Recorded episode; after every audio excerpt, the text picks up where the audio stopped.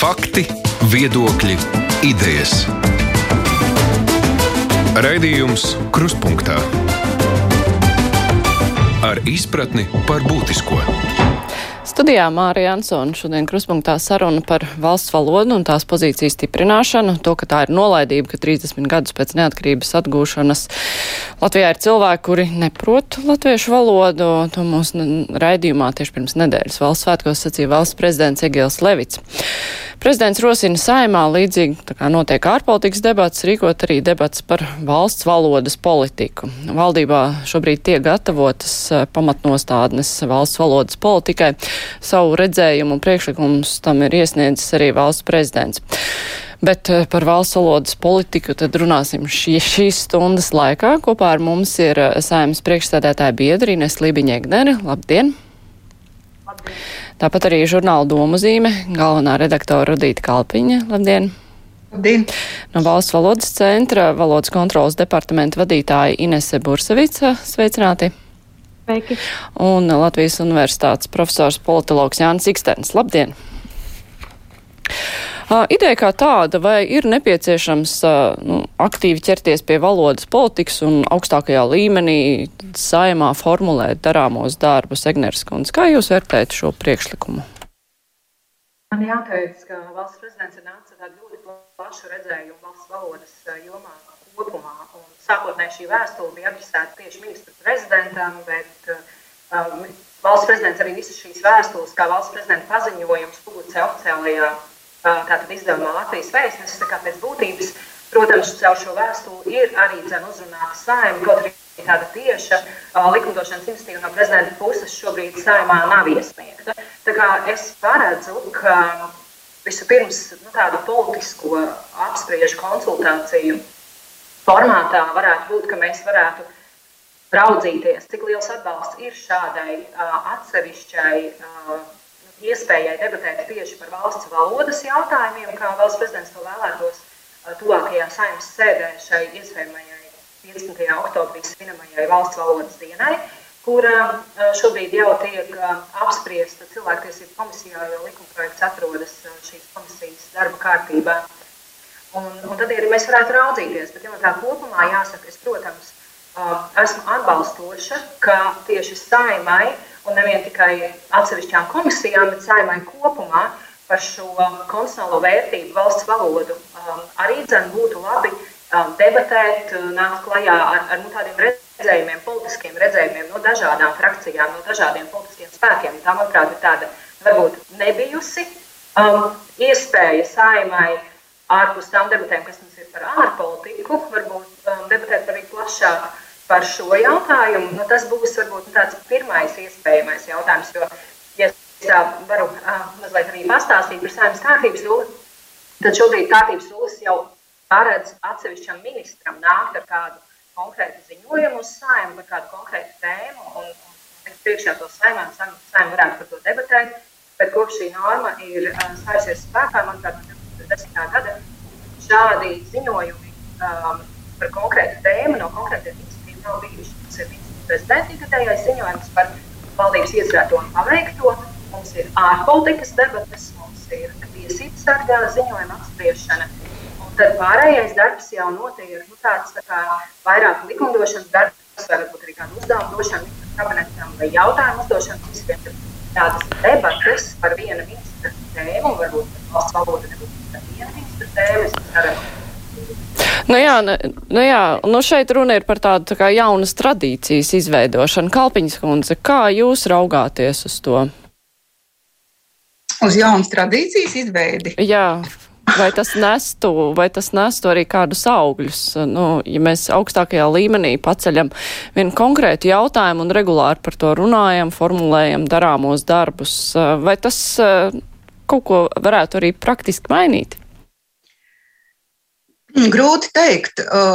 Man liekas, ka runāts ir diezgan daudz, un, teiksim, likumdošanas līmenī droši vien, ka nekādas milzīgas izmaiņas šobrīd nav iespējamas. Tas, ja sājumā būtu šāds debats par valodu, izcelt šo konstitucionālo vērtību, un tā būtu ļoti laba tradīcija.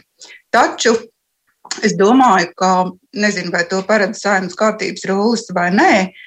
Noteikti nepietiktu ar to, ka ziņojumu sniedz kultūras un izglītības ministrs vai divi ministri, jo, ja mēs raudzītos pēc tā, mm, kādus rezultātus mums uzrāda aptaujas, pētījumi un tā tālāk, tad situācija noteikti izskatītos krietni labāk nekā tā ir īstenībā. Tāpēc es domāju, ka turklāt svarīgi būtu Mm, ka turklāt nāktu arī citas dimensijas, ne tikai birokrātiska, politiskā. Uh, un es domāju, ka noteikti varētu iedibināt arī tradīciju, ka ir viens vai divi vieslektori, kas arī uzstājas šajā saimnes sēdē, kā sabiedrības pārstāvji, kuri varbūt papildina šos divus ziņojumus valodas politikā un uh, nu, saved kopā praksi ar teoriju. Tā ļoti īsi sakot. Ikstenkungs, kā jums šķiet, nu, tas dotu kaut kādu šādu akcenta piešķiršanu, dotu kādu nu, pozitīvu grūdienu latviešu valodas pozīcijas stiprināšanā? Tas, protams, būtu tāds skaists simbolisks žests, caur kuru mēs akcentētu vienu no um, Latvijas valsts nu, teikt, pastāvēšanas jēgām, nu, tad, teiksim, šīs latvietības, latviešu valodas un teiksim, kultūras mantojuma plašākā izpratnē kopšanu. Jautājums ir, vai ārpus šīm diskusijām nu, vēl, vēl kaut kas īpašs un paralēls notikt. Uh, es paredzu, ka šādas diskusijas būtu arī pietiekami politiski uzlādētas, jo nu, ir, ir, ir eh, labi zināms, ka teiksim, šie te identitātes jautājumi ir viens no mūsu politikas stūrakmeņiem.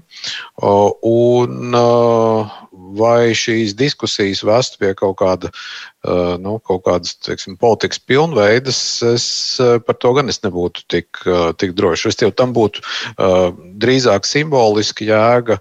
Par to praktiski politisko jēgu, nu, par to es neesmu tik pārliecināts.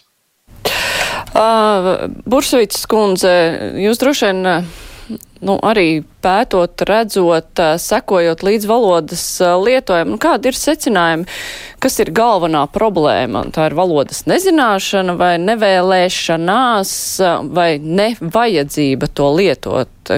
Kā jūs iezīmētu? Nu, kāpēc latviešu valoda nav pietiekoši plaši lietota, kā mēs to gribētu? Es domāju, ka tas ir patiesībā visu jūs trīs nosaukto komponentu apkopojums, ka daļēji tur ir gan nezināšana, gan arī nevēlēšanās, gan arī attiecībā teiksim, uz šo te valodu situāciju Latvijā. Tā ir arī atsevišķu svešvalodu pašpietiekamība, līdz ar to cilvēkiem nav tādas nepieciešamības valodu arī lietot.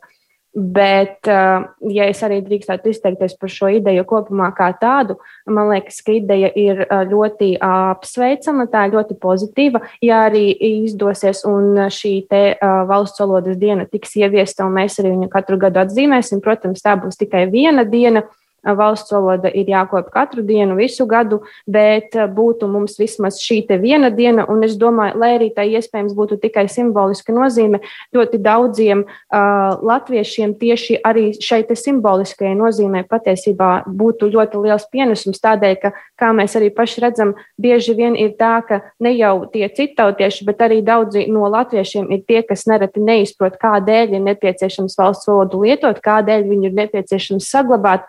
Un, līdz ar to es domāju, jebkādi veidi un jebkādi līdzekļi, ko mēs varam izmantot, lai valsts valodu stiprinātu un vairotu valsts valodas nozīmi, viņi ir jāizmanto. Jā, ja paskatās valdībā sagatavoto dokumentu par valsts valodas pamatnostādnēm nākamajiem septiņiem gadiem, nu, tur ir veseli deviņi risināmie galvenie jautājumi, bet, nu, pašā augšā ir nepietiekama augsts latviešu valodas prestižs atsevišķās sociālajās grupās, tāpat arī nepietiekama iekļaujoša valodas vide, tas, ka ikdienas prakse neveido tādu kontekstu latviešu valodas apguvē un ir negatīva attieksme pret cilvēkiem, kurus likt runā latviešu valodā. Šis te prestiža jautājums, šī te vēlēšanās vai nevēlēšanās runāt latviešu valodā. Nu, Kā tas ir izcināms? Vai tas ir izcināms ar pātagu, ierobežojot, aizliecot, vai ar kādu burkānu, bet kas gan var būt burkāns, lai palielinātu prestižu? Nu, bet vai šis ir tā galvenā problēma, kas būtu jāatrisina, lai cilvēkiem būtu nu, iekšēji vēlme nepieciešamība runāt latviešu valodā? Kalpiņas kundze, kā jūs redzat? Uh, nu es to redzu tā, ka mm, mēs esam diezgan daudz un ilgi jau runājuši un skaidrojuši. Uh, man šķiet, ka prezidenta nolūks nebija radīt vēl vienu simbolisku žestu, bet pamudināt izpildvaru un arī Latvijas sabiedrību uh, ķerties pie rīcību politikas izstrādāšanas. Jo ļoti bieži ir tā, ka cilvēks, kurš atrodas darba vietā vai kādā konkrētā vidē, nu, viņš paliek viens ar to sistēmu, kas viņam ir apkārt. Un šādā ziņā nu, varētu teikt, ka valsts patiesi nav nokārtojusi šo valodas jautājumu, jo mēs nevaram prasīt no viena atsevišķa pārdevēja, no viena atsevišķa pakalpojumu sniedzēja vai ierēģa, lai viņš pilsoniskā līmenī savā darba vietā nostātos pret teksim, to nu, neoficiāli iedibināto sistēmu. Bet valsts viņam arī faktiski nu, nekā īsti nepalīdz. Un man šķiet, ka šis, ka patiesībā sakot, būtu jāveic pētījums. Varbūt to var noskaidrot arī daudz vienkāršākā veidā, aicinot cilvēkus rakstīt un ziņot par to, kur ir šie tukšie laukumi, kur ir šie tukšie sektori, kur, nu, kuri, kur kaut kas ir jādara, kur ir jārod kaut kāds reāls risinājums. Jo nu, daudz un dikti runāt, man liekas, ka cilvēki ir noguruši no tā un atmetuši ar roku, jo viņi redz, ka viņi to nekādā veidā nevar ietekmēt. Nākamais jautājums ir par burkāniem. Es domāju, ka, ja es būtu Latvijas krieviete, man vispār nebūtu skaidrs, ko viņi no manis grib. Jo politika valodas jomā ir bijusi ārkārtīgi nelīdzsvarota, pieglaimīga, neskaidra, nekonsekventa. Un, nu, arī tādos apstākļos, kur cilvēkiem ir skaidrs, ka robeža nav, nu, viņi gal galā atmet ar roku, jo viņi nesaprot. Tad, tad, tad kā? Jā, jā jūs varētu paturpināt kādos tieši aspektos politika ir bijusi pieglaimīga, neskaidra. Nu, respektīvi, mēs esam ļāvuši pārāk daudz kur nerunāt latviešu valodā. Jā, protams, es domāju, ka piemēram viens no sektoriem, kur noteikti būtu jābeidz šāds valodas lietošanas audits, ir valsts iestādes. Jo, un pašvaldības iestādes. Tikko Rīgas mērs absolūti mm, ignorējot valsts valodas vietu un politiku un lomu, vienkārši kā pašvaldības, turklāt laikam lielākās Latvijas pilsētas pašvaldības vadītājs aicināja rakstīt viņam krieviski. Es vienkārši pieņemu, ka Stāča kungs nu, tā īsti neizprot, labticīgi sakot. Ja? Nu, šis ir tikai viens no piemēriem. Arī jūsu kolēģi Māra nu, šodien no rīta nāca klajā uh, LSM uh, ar uh, norādi, ka ir uztaisīta novada šķirotava uh, kriev, krieviski. Un es īsti nevaru pas, es paskatījos šo mm, šo novadu šķirotavu krieviski. Es vispār nesaprotu, kāpēc tā tāda ir radīta. Bet katrā ziņā tā ir diezgan daudzas blaknes. Tur ir Latvijas teritorija, tur ir krievisks jautājums, uzzini, nu, ko viņi grib darīt tavā, tavā krajā, ja, un tā tālāk. Uh, tas tiešām raisa, un katru nu, diezgan bieži rodas šādi pārsteigumi, kuri tiešām satriec, godīgi sakot. Jā. Egners kundze, kā jums šķiet, vai valsts politika līdz šim ir bijusi pārāk nu, mīkšķaulīga valodas lietošanas ziņā, kas nav rosinājusi tiem cilvēkiem, kuriem latviešu valoda nav dzimtā, ne to pastiprināt apgūt, ne arī lietot ikdienā? Gribētu teikt, ka tādā likumdošanas līmenī mēs uh, pēc būtības diezgan daudz esam arī šo, šobrīd pēdējos gados tieši nostiprinājuši iespēju sodīt, ja latviešu valodu nelieto. Un tas, vai tieši sodīšana ir ir tas labākais um, instruments, kā cilvēks iedrošināt, es domāju, ka nu, tā ilgtermiņā raugoties, iespējams, ka nē.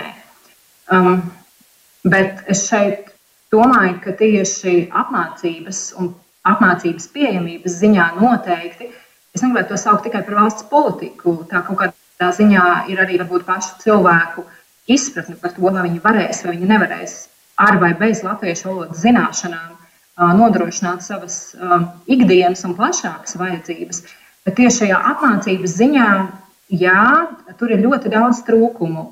Par to mēs esam nu, tādā saimas komisiju līmenī vienmēr runājuši un teikuši, ka vajag labāk. Bet um, iespējams, ka tur tas arī ir palicis. Un tāpēc, manuprāt, šis valsts prezidenta rosinājums, vispirms ar ko arī sākas šis viņa rosinājums atlikt šīs sagatavotās pamatnostādnes līdz 2027. gadam, un tās vēlreiz pārskatīt un pievērst tam tādu pastiprinātāku uzmanību un, un, un iekļaut arī prezidenta tos ierosinājumus. Manuprāt, tas ir tāds labs, nu, jā, manuprāt, signāls vai brīdinājums no prezidenta, ka viņš redz, ka tās sliedas, pa kurām parasti tās pamatnostādnes saliek, ministra kabinetā apstiprina, Un tad ar to ir tā lieta darīta, ka tas īsti nav tas pareizais ceļš. Un, un, un tāpēc es no savas puses, un arī no, nu, no manuprāt, saimnes kolēģu puses varu teikt, ka tas noteikti mums ļoti uh, labi palīdzētu padomāt, ko vēl var darīt tieši likumdošanas ziņā. Lai gan, manuprāt, kā jau teicu, likumdošanas ziņā mēs šos sodus esam paredzējuši par visu, um, kur to vien var paredzēt vairāk ir vajadzīgs tieši rosināt apmācību. Un varbūt valodas diena, ar, ar kādu gan saturu tai, tai, tai nu, mēs paši piešķirsim un kādas tradīcijas tajā izveidosim, arī varētu palīdzēt. Jā, nu paskatoties uh, valdības, valdībā šo te skatāmo dokumentu un, uh, ja salīdzinot ar prezidenta ieteikumiem, nu, prezidentam tur ir tādi praktiskāki soļi vairāk uh, norādīti, vismaz vairāki. Uh, savukārt uh, valdības dokumentā tur ir uh, šie te, nu, liels uzsvars ir likts uz pētniecības jautājumiem, arī uz latviešu valodas speciālistiem, bet pieminēti ir arī sabiedrības līdzdalība un atbildība, lai, lai nu, noturētu latviešu valodu savā pozīcijā, savās pozīcijās un arī nu, būtu tāda labvēlīga attieksme pret tiem cilvēkiem, kuri mācās latviešu valodu. Bet tomēr atgriežoties pie šī te prestiža jautājuma. Nu, kas ir galvenie instrumenti, kas uh, liek, liktu cilvēkiem uh, runāt latviešu valodā un uzskatīt, ka latviešu valodā runāt ir labi un, nu, ka nav nepie, ka, ka tas ir nu, kaut kas, ar ko varētu lepoties drīzāk šeit Latvijā dzīvojot. Vai tās ir tum, sankcijas drīzāk, vai tā ir kaut kāda īpašas vides radīšana, Ikstenkungs? Šis ir vairāk jautājums sociālingvistiem, bet uh, mani empiriskie novērojumi uh, liek man domāt, ka uh, videi ir uh, izšķiroša nozīme. Um, nu, lai kādus sodus mēs tur neparedzētu, nu, ne, neviens taču ne, nevar uzlikt sodu par to, ka kāds nezinu, veikalā mēģina nopirkt pienu runājot krievu valodā. Nu, tas, nu, tur, nu, vienkārši tas ne, nestrādā. Jā. Līdz ar to. Um, Uh, vide, jā, tas tie cilvēki, kas ir apkārt, kuri, kuri arī uh, runā latviešu, kuri varbūt nepāriet uzreiz uz krievu valodu, kuri iedrošina runāt latviešu, tā, tā, nu, tā labvēlīgi. Uh, manuprāt, tas ir ļoti nozīmīgi. Un, uh, tā kā es uh, zinām savu profesionālās dzīves daļu, esmu pavadījis uh, vidēji lielā Latvijas pilsētā ar ļoti nelielu. Uh, krievlodīgo iedzīvotāju īpatsvaru, es uh, arī esmu novērojis, kā uh, mainījās studentu latviešu valodas prasmes, ja, to studentu latviešu valodas prasmes, kuriem latviešu valoda nebija dzimtā. Ja, tur tas bija patiešām dažu gadu laikā, tas bija uh, fantastisks progress, un man ir grūti iedomāties kaut ko citu kā vienu vidi, kurā šis cilvēks atradās.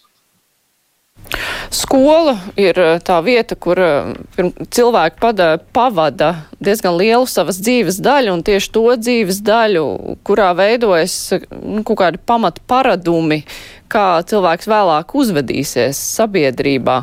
Vai eh, skolu reforma var panākt to, ka nu, vismaz tā paudze, kas aug šobrīd, tā, kas ir nu pat paaugus, eh, tā, kas ir nu pat pabeigusi skolu, nu, ka tā, nu, ka tā latviešu valodas lietošana būs dabiska, vai arī ar šo skolu reformu tomēr nepietiks, kamēr mums vēl būs latviešu skolas un krievu skolas, nevis vienkārši skolas, Ikstenkungs.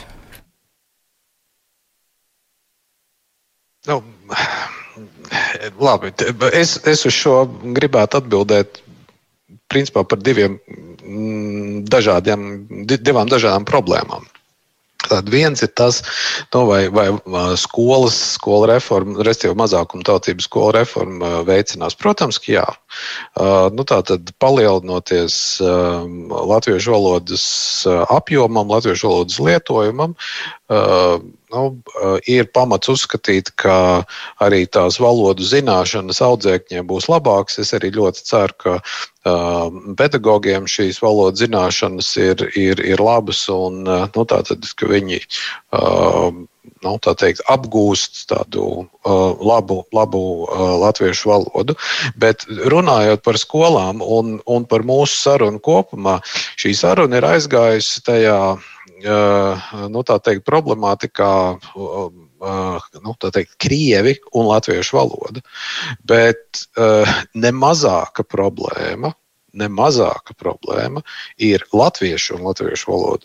Un kā cilvēks, kurš jau daudzus gadus saskars ar Latvijas vidusskolu absolventiem, Es savā augstskolas mācību spēku praksē redzu, ka šīs valodas prasmes dramatiski krītas. Un ir viena liela daļa pēdējos gados, nu, tie, kā, nezinu, nu, pēdējie 4, 5 gadi, varbūt ir viena, viena prāva daļa augstskolas studentu, kuriem latviešu valoda ir dzimtā, bet kuri faktiski raksta it īpaši to var redzēt rakstos, viņi raksta angliski ar latviešu vārdiem. Tā, manuprāt, ir bumba ar laika degli, un par to uh, nekādas pamatnostādnes nerunā. Bet tas ir jautājums, kas mums ir steidzami jārisina. Vienkārši steidzami jārisina, un tur ir uh, nu, jāpadara latviešu valoda par, eh, nu, par tādu valodu, kurā ir stilīgi runāt, ja respektīvi pareizā latviešu valodā. Jo tas, ko viņi dara, nu, viņi vienkārši eh, apvieno kaut kādu tur eh, sociālo tīklu, slēngu ar, ar kaut kādu, kaut kādu nu, salīdzinoši pieticīgu latviešu valodas vārdu krājumu, un, un nu, tur nāk ārā dievzīmes. Nu jā, tās acīm redzot ir divas ļoti paralēli risināmas problēmas. Un, uh, Viena, vienas risināšana neizslēdz otru, bet vēl tomēr atgriežoties pie mazākuma tautības skolām vai valsts valodas centra redzeslokā nonāk skolas, kur nu, formāli varbūt pilda likuma prasības, bet praksē nē, nu, ka tur cilvēki, kur beidz šīs skolas, tomēr nu, īsti latviešu valodu labi tā arī nezinu.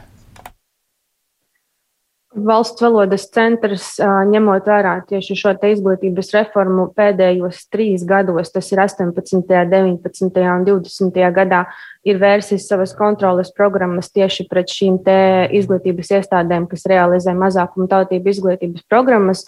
Un, principā, trīs gadu laikā mēs esam monitorējuši ļoti lielu skaitu skolu gan Rīgā, gan arī ārpus Rīgas.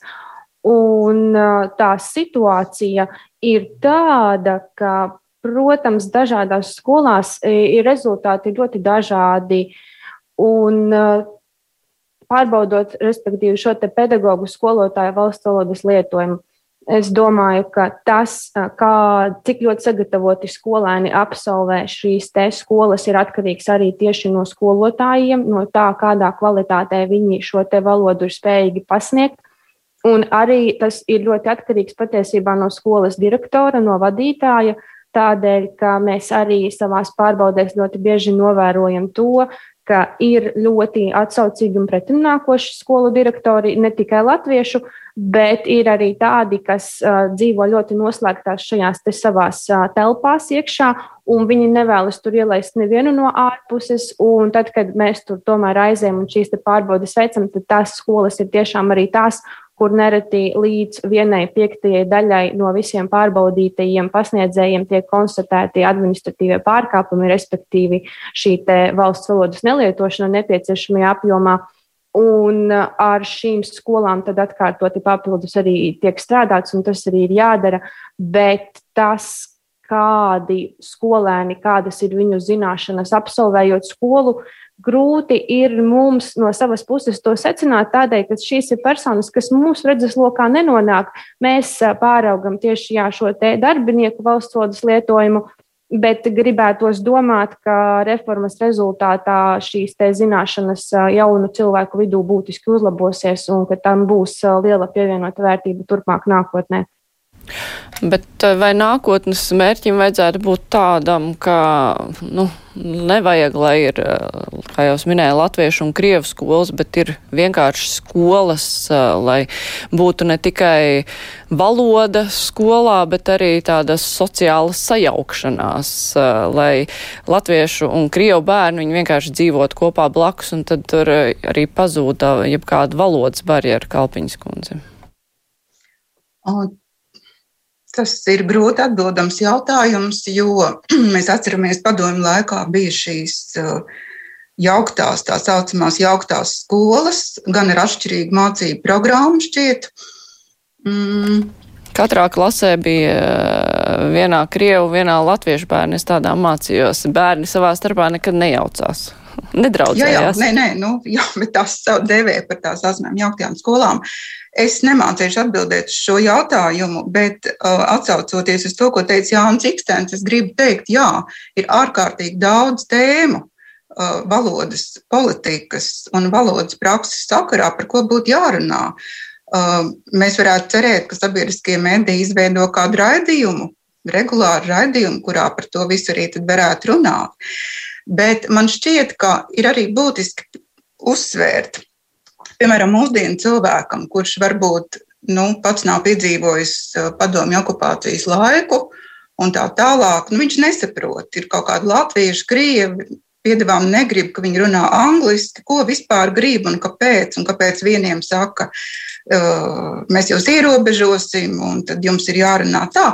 Es domāju, ka ir ārkārtīgi svarīgi apzināties, ka šī situācija, kurā mēs dzīvojam, valodas ziņā, ir patiešām okupācijas sekas, kas vēl nav likvidētas. Tas piešķir izskaidrojumu, ko un kāpēc mēs darām, un kāpēc mēs gribam, lai ir tā vai citādi. Tas ir ārkārtīgi būtiski, un man liekas, ka to nu, neapzinās pat uh, arī skolā strādājuši skolotāji. Tā kā darba lauks ir ārkārtīgi plašs. Jā. Jā, es atgādināšu klausītājiem un Latvijas televīzijas skatītājiem, ka kopā ar mums šodien ir saimnes priekšsādātāja biedra Ines Lībiņa Egnere, žurnāla domzīme galvenā redaktora Rudīta Kalpiņa, Latvijas universitātes profesors politologs Jānis Ikstens un Valsts valodas centra valodas kontrolas departamenta vadītāja Ines Bursevica. Raidījums Krustpunktā. Jā, pirms mēs pievēršamies problēmai, par kuru pirms brīža runāja Jānis Ikstens par latviešiem un latviešu valodu. Tomēr Uh, vēl mazliet par praktisko, arī par problēmu, ko norādīja savos um, ierosinājumos valsts prezidents, ir uh, diskriminācija darba tirgu, kad uh, nepamatot tiek prasīt krievu valodu. Šī problēma jau ir sen zināma, bet kāpēc uh, tā nav līdz šim atrisināta, kas ir tās galvenās problēmas, jo parasti jau ir nu, kaut kādi juridiski iebildumi, ka nu, īsti jau neko nevar pierādīt, ko prasa, ko neprasa, ko vajag, ko nevajag, kā regulēt privātos, kā nere, neregulēt uh, Libiņas Egners kundze. Mēs esam ļoti daudz par to um, saimā diskutējuši, un ir arī bijuši dažādi likumprojekti, kuru mērķis ir bijis uh, šo problēmu, šo praktisko un aktuālo problēmu risināt. Bet jāteic, nu, juridiski raugoties, protams, ir, ir, ir ļoti sarežģīti to izdarīt, jo pēc būtības visas svešvalodas uh, ir, ir, ir prasmes, kuras um, privātajā sektorā darba devējs um, kaut kādu iemeslu dēļ, pamatojot savu biznesa specifiku, savu apkalpojošās um, jomas uh, specifiku, saka, ka jā, ka nu, mēs esam atvērta um, un turistus um, redzoša valsts, ka, protams, ka svešvalodu zināšanas noteikti varētu būt viena no kvalifikācijām, kuru darba tirgu mēs vērtējam kā, kā, kā vērtību. Un, un visu laiku šīs debatas ir bijušas no vienas puses tātad latviešu valodas aizsardzība un nostiprināšana, no otras puses arī nedot iespēju uh, privātajā jomā strādājošiem apstrīdēt šos konkrētos grozījumus satversmes tiesā, ka tie apdraud viņu tiesības izvēlēties tādus darbiniekus, kas viņu darbības jomā ir tie visi nepieciešamākie. Un, un jā, nu tādos tā kā līkločos starp šīm divām um, ļoti svarīgajām jomām nu, mēs kaut kādā ziņā likumdošanā esam mēģinājuši iet un dažādas uzlabojumus arī nu, likuma tekstā panākt notikuši. Bet praksē, protams, tie cilvēki jau nevienmēr savas tiesības un, un, un savas intereses ir gājuši nu, pēc tam aiz, aizstāvēt, vai ne? Par to, ka darba intervijā varbūt tas ir bijis paprasīts un, tu, un darbu tu nesaņemsi, kā tu varētu arī cen, vērsties tiesā pret šo iespējamo darba devēju. Bet tas cilvēkam ir arī apgrūtinoši.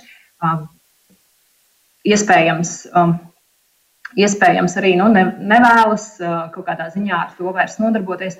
Tas ir sarežģīts jautājums, jo mēs pretnostatām krievu valodu citām valodām. Mēs sagaidām, ka um, jā, svešvalodas ir vērtība, un tad pat laikā mēs arī saprotam, kā Kalpiņas kundze arī teica, ka viena konkrēta svešvaloda ir, ir tiešām šis okupāciju, uh, okupācijas laika mantojums vairāk, uh, un, un varbūt šī darba devēja ērtības labad vairāk nevis mūsu kā tādas modernas Eiropas valsts, kur visi cilvēki ir atvērti svešvalodām un spēj sazināties vairākām valodām interesēs. Tas ir ļoti, ļoti sarežģīti. Es kā jurists to šobrīd saku, kā politiķis. Um, tieši tā šīs, šīs iniciatīvas ir bijušas, bet vienmēr nu, mēs uzklausām arī gan, gan, gan Saimnes juridisko biroju, gan Tieslietu ministriju, gan arī citas iesaistītās puses, uh, ka tieši darba tirgū mēs īsti svešvalodas prioritizēt nevaram. Attiecībā uz izglītību, tur gan mēs esam, un, un attiecībā arī uz medijiem, mēs esam skatījušies tātad šīs Eiropas Savienības oficiālās valodas, iepratīt sveš, citām svešvalodām. Tur ir pamatots šāds svešvalodu dalījums, protams. Kalpins kundze. Bet jautājums ir, kas uzrauga šos, piemēram, darba sludinājumu procesus?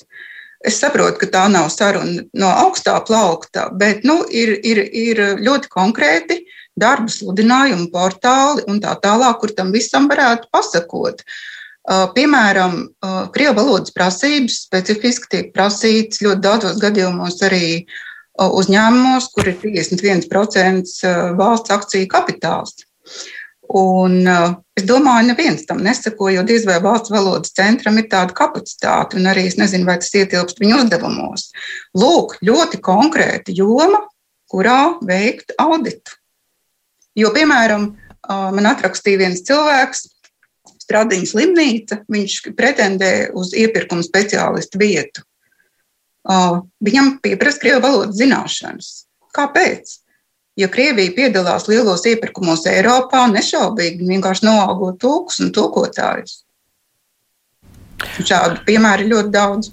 Vai valsts valodas centrs uh, pamana šādas lietas? Vai tas ir jūsu uzdevuma lokā?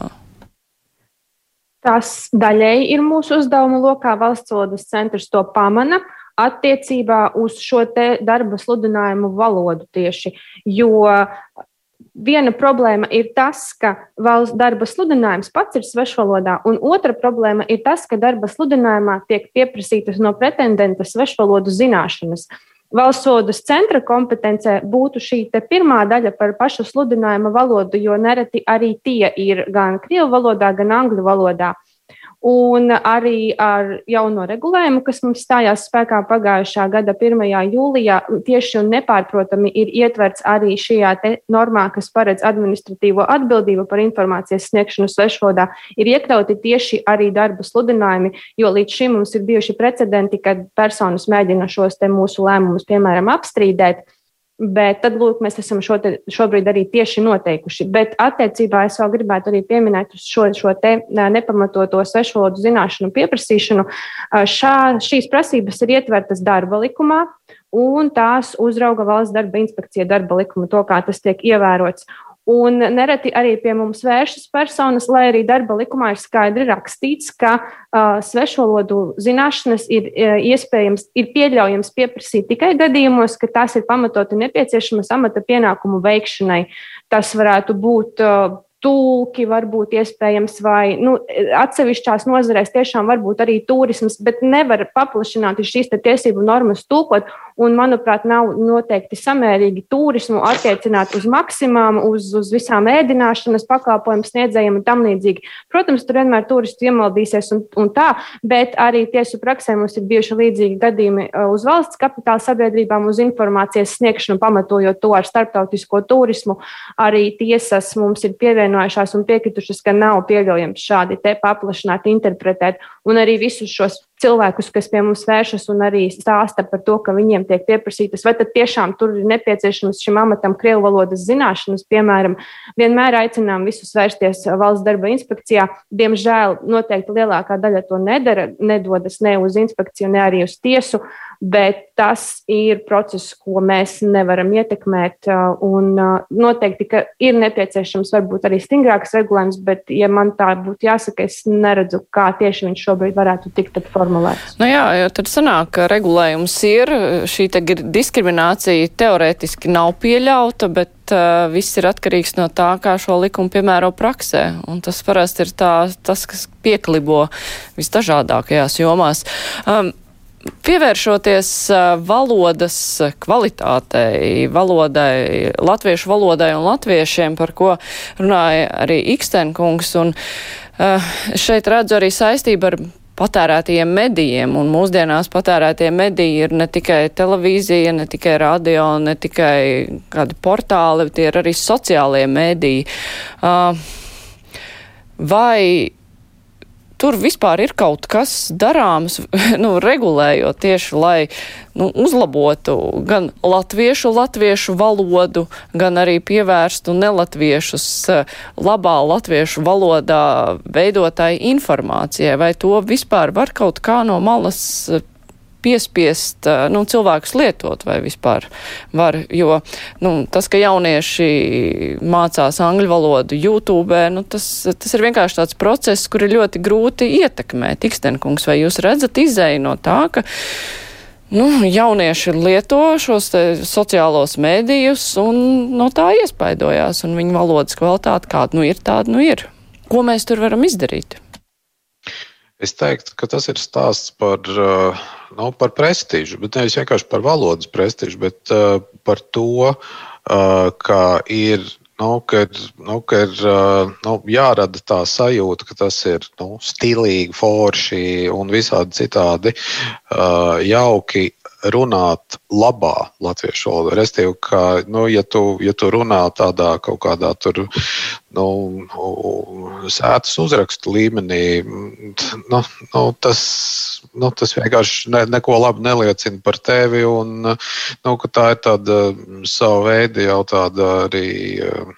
Nu, jā, nu, ne, nelabvēlīgas attīstības pazīme. Jā, tāpēc Es nezinu, vai to var panākt ar tādiem nu, valstiskiem, urā patriotiskiem pasākumiem. Ja, tam ir jānāk tomēr no, no sabiedrības dziļāk, un tur ir jābūt nu, kaut kādiem citiem mehānismiem. Man šobrīd nav tāda padomā, neviena konkrēta, bet es līdzīgi kā ar to valodas lietojumu nu, teiksim, citātiešiem, es domāju, tas ir vidas jautājums. Tas ir, ir lielā mērā vidas jautājums, un tad ir jautājums, kā mēs šo vidi varam faktiski mainīt, jā, kā, kā mēs to varam ietekmēt. Kalpiņš kundze, kā jums šķiet, ko ar mediju palīdzību var izdarīt? dažādu mediju, arī sociālo? Es piekrītu Jānim, ka tās varētu būt dažādas kampaņas, taču man jāteic, ka neviena kampaņa nu, neiedos cilvēkam labu latviešu valodu. Tā sākas ģimenē, vai arī nu, vienkārši ir jālasa grāmatas un periodika. Uh, varbūt, kad LSM būs arī valodas redaktors, tad arī LSM būs viena no vietnēm, kur mēs varēsim gan just, gan vienkārši dzīvoties labos valodas standartos. Uh, bet es domāju, ka mums jau šodien šai sarunā nav jānāk klajā ar fantastiskiem rosinājumiem. Par to jau arī ir šī vēstule, kā es to saprotu. Vienkārši tāds konkrēts rosinājums arī meklēt. Bez tam atmetot ilūzijas, ka tas notiks ļoti ātri. Tāpat kā medicīnā izglītību nevar iegūt nu, tiksim, vienā gadā, mēs nevaram arī pagriezt gandrīz vai veselu paudzi nu, tā, ka pēc pusgada kampaņas viņi sāk runāt lieliskā latviešu valodā. Mm, nu, kaut kā tā. Un tomēr mēdī ir, ja mēs ne tikai runājam par eh, jauno paudzi, bet eh, arī vecākai paudzei, kuriem Tāpat ir vajadzīga latviešu valoda, vismaz treniņš. Nu, liela daļa no viņiem arī tie, kur nav latvieši, viņi dzīvo Krievijas mēdījos. Viņi nemaz neskatās varbūt Latvijas mēdījus. Bet vai mēs tur ar kaut ko varam konkurēt, lai šie cilvēki nu, ikdienā dzird latviešu valodu kaut vai fonā? Mums ir daži Krievu valodā runājoši klausītāji Latvijas radio viens, kas ir viens klausītājs arī, kas regulāri zvana uz brīvo mikrofonu. Mēs redzam, ka tādi klausītāji ir, bet uh, tomēr lielākā daļa, nu, iespējams, nemaz nepievēršas latviski raidošajiem un rakstošajiem mēdījiem. Vai ir iespēja cīnīties par šiem cilvēkiem, lai viņiem skan latviešu valoda, Egners Kundze? Tas, ja tas būtu tā viegli atbildāms jautājums, es domāju, ka latviešu valodas stiprināšanas ceļš noteikti nav ejams tikai tajā virzienā, ka mēs aizliedzam citas valodas. Tas noteikti pats par sevi uh, latviešu valodu nestiprinās. Un uh, latviešu valoda ir bagāta valoda, un latviešu kultūra ir bagāta kultūra. Un es domāju, ir dažādi ceļi, tāpēc arī šīs iespējamās parlamentārās debatas, par kuras saturu un kvalitāti, protams, es ļoti lielas ilūzijas, diemžēl, neloloju, bet es tomēr redzu, ka iespējams tas vien, ka šai tēmai tiktu pievērsta pastiprināta uzmanība nevis viena likuma projekta ietvaros, kā iepriekš arī Valsts valodas centra pārstāvja teica, jā, 18. gadā darba likumu izgrozījām. Tātad šīs svešvalodas prasības bez darba sludinājumos vairs nepamatot ievietot nevar, bet tas jau nemazina nedz šo problēmu, nedz arī cilvēku sajūtu, ka bez krievu valodas zināšanām darbu iegūt Latvijā ļoti grūti. Un, un, un attiecībā, vai, vai tieši plašāk skatoties šo jautājumu par mūsu jauniešiem, par tiem, kuriem ir visas iespējas iegūt labu izglītību latviešu valodā, tik tiešām es arī pati kā augstskolas docents varu teikt, nu, Arī juridiskajā fakultātē ir ļoti sliktas literārās latviešu valodas uh, zināšanas, nemaz nerunājot par interpunkciju un citām, manuprāt, pašsaprotamām lietām. Tā kā tiešām šis darbības lauks ir daudz, daudz plašāks, manuprāt, tieši stiprināt latviešu valodu, ne tikai ar aizliegumiem uh, par citu valodu lietojumu, jo tie cilvēki, kuri nevēlēsies klausīties Latvijas radio latviešu valodā, Es nedomāju, ka tur ir kāda recepte, um, kā viņus pagriezt tajā virzienā. Bet tie cilvēki, kuri gribēs klausīties Latvijas radio, un Latvijas radio, protams, ir tas labākais piemērs, jo saturs ir tiešām ļoti plašs un interesants. Bet citiem medijiem varbūt tieši saturs ir tas jautājums, kāpēc alternatīvas un, un citas iespējas varbūt tos jauniešus interesē vairāk, kāpēc viņi ir tajās vietnēs, kur viņi ir, vai, vai klausās tos medijus, kurus viņi klausās. Es domāju, ka politiķi, protams, izmanto šo, šo iespēju polarizēt latviešu valodu un krievu valodu, un tas ir tas vieglākais ceļš. Bet eh, man tiešām nešķiet, ka tieši šobrīd, 2021. gadā, virknē Latvijas iedzīvotāju tā ir tā lielākā problēma. Jo tie jaunieši, kuri pabeidz skolu, viņiem ir labas latviešu valodas zināšanas, bet viņi negrib latviešu valodu lietot. Un kā ar to tikt galā? Es domāju, arī par krievalodīgiem jauniešiem, kuriem ir labas latviešu valodas zināšanas, viņi vienalga izvēlas latviešu valodu nelietot. Un kā ar šo problēmu tikt galā, tas ir ļoti, ļoti sarežģīts jautājums. Vai ierosinājums tīri finansiāli atbalstīt latviešu oriģinālu literatūru, samazinot pievienotās vērtības nodoklī gan mēdījiem un latviešu valodā rakstošajiem, gan arī oriģinālu literatūrai. Nu, tas būtu pozitīvs grūdienis, vismaz, lai cilvēki lasa. Es domāju, ka jebkurš finansiāls stimuls vienmēr ir stimuls, ja tas kalpo labai lietai. Tas, protams, man, man šobrīd nebūs tādas receptes, bet es tieši tādēļ, kā jau arī sākumā teicu, ļoti augstu vērtēju šo prezidenta ierosinājumu, ka mēs vispār par ko tādu diskutētu, jo tas atšķirtos no ikdienas saimas debašu jautājumu loka. Vēl mazliet par latviešu valodu zinātnē. Arī par to ir nu, strīdi bijuši. No vienas puses, zinātniskie darbi, ja ir latviešu valodā, tad tos var izlasīt tikai latvieši, no otras puses zinātnisko darbu nerakstīšana uh, latviešu valodā neattīsta zinātnes valodu. Vai mums uh, ir nu, jāizšķirās starp uh, šīm te divām uh, lietām par labu zinātnes prestižām pasaulē vai latviešu valodai zinātnē, Kalpiņas kundze, uz kuru jūs liekat lielāko uzsvaru? Mhm. Es, protams, lieku uzsveru uz veselo saprātu. Un jomās, kurās, teiksim, nu, arī pašam darba rakstītājam ir nopietni nolūki darboties starptautiskā vidē un mērogā, visticamāk, ka to nu, var tulkot vai var rakstīt. Es neatceros, ar ko beidzās, beidzās šīs debatas par par uh, doktora darbu rakstīšanu, bet katrā ziņā ir jāapzinās, ka neviens bez mums šeit Latvijā nu, tās valodas robežas nesargās, un arī zinātnes valoda neattīstīs, ja to nedarīsim mēs paši. Ikstenkungs, kāds jūsu viedoklis? Man ir ļoti divējādas sajūtas šajā jautājumā. Uh, jo es nešaubīgi atbalstu teikt, profesionālās terminoloģijas attīstīšanu, vienalga vai tā ir zinātne vai, vai, vai tehniskā joma, inženierija. Viennozīmīgi tas, tas ir jādara. Tas ir nu, tas piediens jebkurai teikt, mūsdienīgai, mūsdienīgai tautai, un Latvijas šeit nekādā gadījumā nav izņēmums. Problēma ir drusku cita. Uh, problēma ir tā, ka dažkārt uh, slēpjoties aiz šī te nu, teikt, argumenta, uh, cilvēki pārāk viegli atmet domu par to, ka viņiem vajadzētu arī kaut ko publicēt ārpus Latvijas, ka viņiem vajadzētu kaut ko publicēt, nezinu, angļu, franču, vācu, spāņu valodā.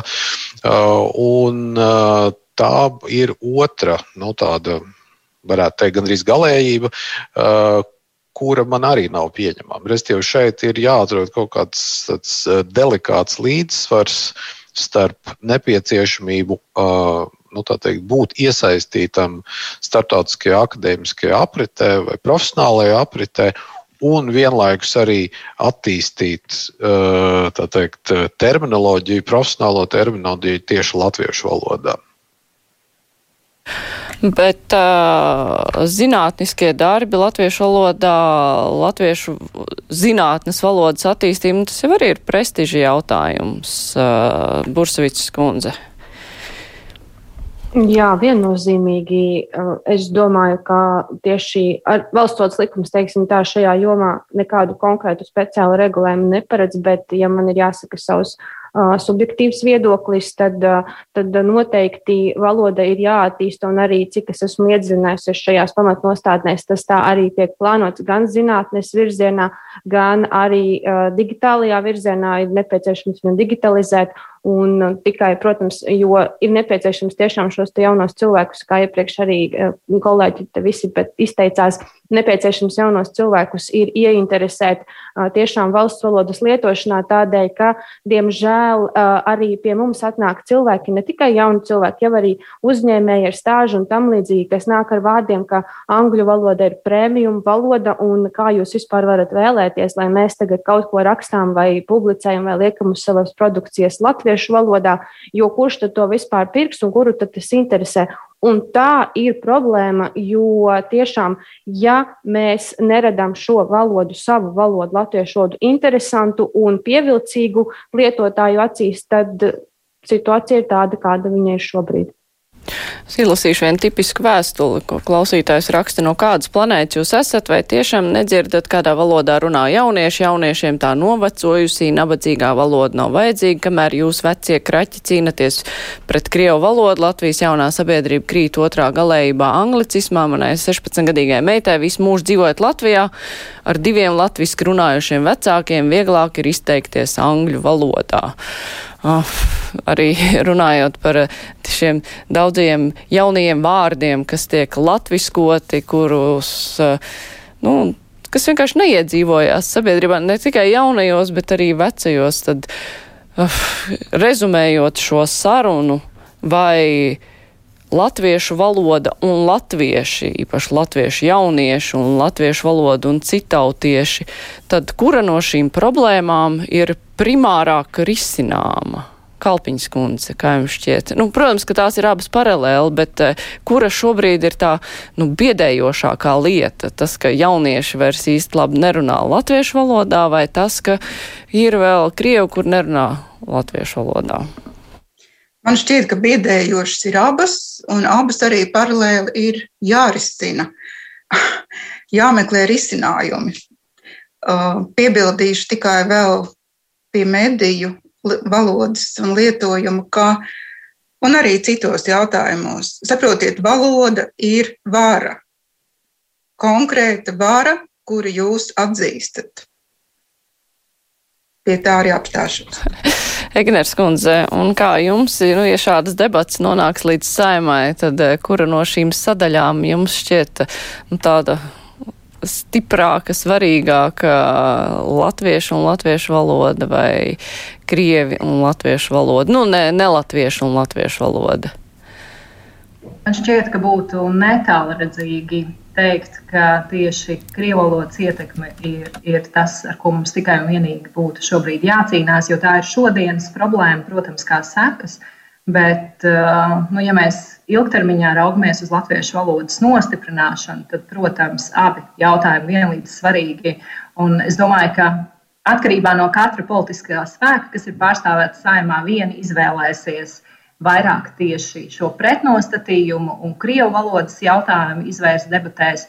Savukārt, um, jā, es teikšu, arī gados jaunāki, iespējams, saimnes deputāti savukārt par lielāku problēmu uzskatīs to, otru, to otro, jā. tieši atspoguļos nu, to realitāti, kas ir arī sabiedrībā. Abas lietas, un saimā mums par abām ir jāpadomā. Jā, paldies par uh, sarunu. Saku Inesē Līpiņai, Egnerei, Rudītai Kalpiņai, Inesē Bursavicē un Jāni Mikstenam.